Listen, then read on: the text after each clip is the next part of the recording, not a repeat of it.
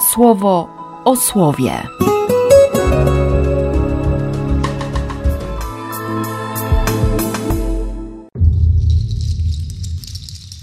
20 września, poniedziałek. Z księgi Ezdrasza. W pierwszym roku panowania Cyrusa, króla Persów, Pan, dla spełnienia swojego słowa wypowiedzianego poprzez usta Jeremiasza, pobudził ducha Cyrusa, króla Persów, aby w całym swoim królestwie ogłosił ustnie i na piśmie taki dekret. To mówi Cyrus, król Persów. Pan, Bóg nieba, dał mi wszystkie królestwa na ziemi. On wybrał mnie teraz, abym zbudował mu dom w Jeruzalem, które leży w Judei.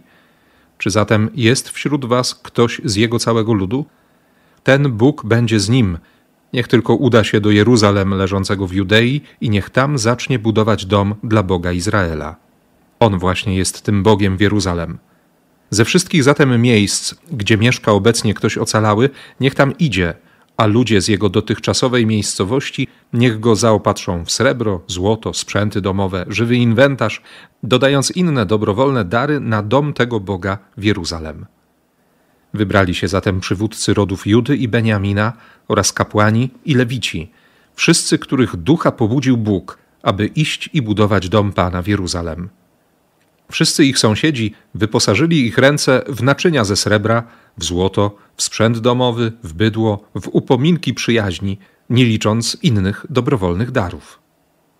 Król Cyrus wydał sprzęty domu Pana, które zabrał Nabuchodonozor z Jeruzalem i oddał do domu swojego Boga.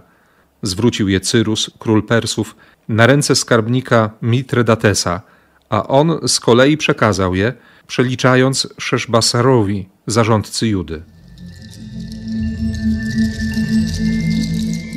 Z Ewangelii według świętego Łukasza. Nikt, gdy zapali lampę, nie zasłania jej naczyniem, ani nie umieszcza pod łóżkiem, lecz na świeczniku ją stawia, aby wchodzący widzieli światło.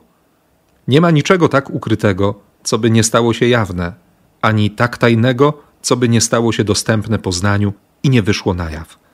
Uważajcie, jak słuchacie, bo kto przyjmuje, temu jeszcze dadzą, a kto nie przyjmuje, nawet co ma, zabiorą mu.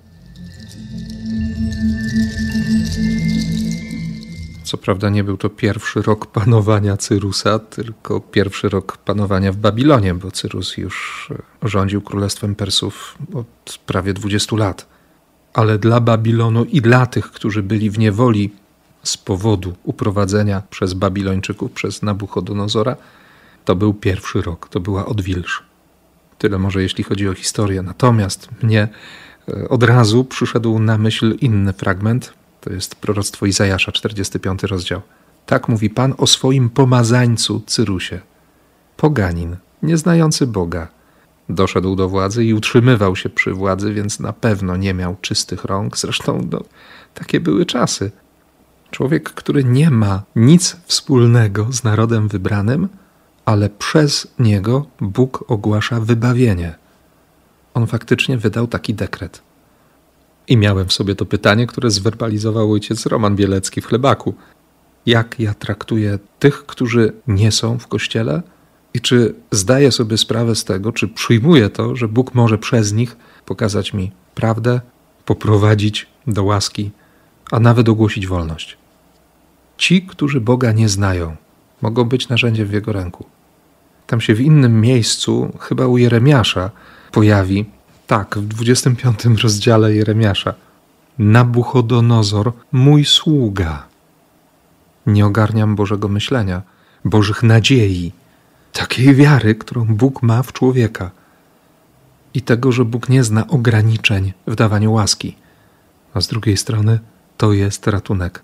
Być może dla ciebie, na pewno dla mnie, bo znam swoje pokrętne myślenie i wiem, że Bóg może się mną posługiwać.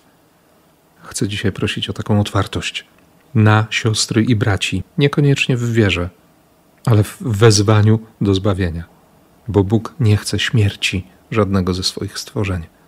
I choć czasami to nie przechodzi przez gardło, to jednak Bóg naprawdę patrzy na każdego człowieka jako na swoje dziecko. I w tym kontekście to, co mówi Jezus w ósmym rozdziale redakcji Łukasza, od razu przypomniało mi inne miejsce. Ostatnią wieczerzę, redakcja Jana, 16 rozdział. Duch prawdy, który doprowadzi was do całej prawdy. Wprowadzi w całą prawdę. Jeszcze wszystkiego nie wiem. Kościół jeszcze wszystkiego nie wie. Mamy fundamenty, które są niezmienne. Mamy prowadzenie przez ducha, który ciągle, dzień w dzień odsłania coraz to nowe rzeczy. Uczy, nie pozwala usiąść, skostnieć, zatrzymać się, zaryglować i powiedzieć: To wszystko, koniec. Oczywiście nie będzie żadnego nowego objawienia, nagle jakaś eureka i, i wszystko się pozmienia, i Biblię odwołamy i tak dalej, bo przyjdzie nowe słowo, będzie nowy Mesjasz. Nie. Kościołowi i tak zajęło dość dużo czasu rozpoznanie natchnionego słowa i określenie, co jest prawdą biblijną.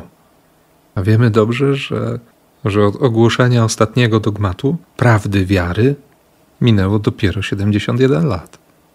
Po to otrzymuję Ewangelię, aby ją odkrywać, by postawić ją na świeczniku, żeby wchodzący w moje życie widzieli światło. Różnie to bywa i mam dziś sporo punktów do rachunku sumienia, na które muszę zwrócić uwagę, ale jednocześnie wiem, że to słowo umacnia, pobudza, bym uważał, jak słucham, jak słucham słowa, jak słucham ducha, żeby nie wpaść w ten błogostan, że niczym już mnie Pan Bóg nie zaskoczy. Zaskoczy. Ale jest też obietnica. Akurat w Biblii pierwszego Kościoła i w tekście greckim faktycznie tak ona brzmi. Bo kto przyjmuje, temu jeszcze dadzą. A kto nie przyjmuje, nawet co ma, zabiorą mu. Jezusowi chodzi naprawdę o serce, które ciągle będzie przyjmować, a nie powie sobie: Mam i koniec. Bo jeśli chce przyjmować, to on da, to Pan da. A jeśli się zarygluje, to, to stracę wszystko. Nie chcę tracić. Nie chcę tracić tego, co dał mi Bóg. Przede wszystkim nie chcę stracić Boga. Jestem przekonany, że, że masz w sobie takie samo pragnienie. Dlatego błogosławię, jak tylko potrafię, w imię Ojca i Syna i Ducha Świętego. Amen. Słowo o słowie.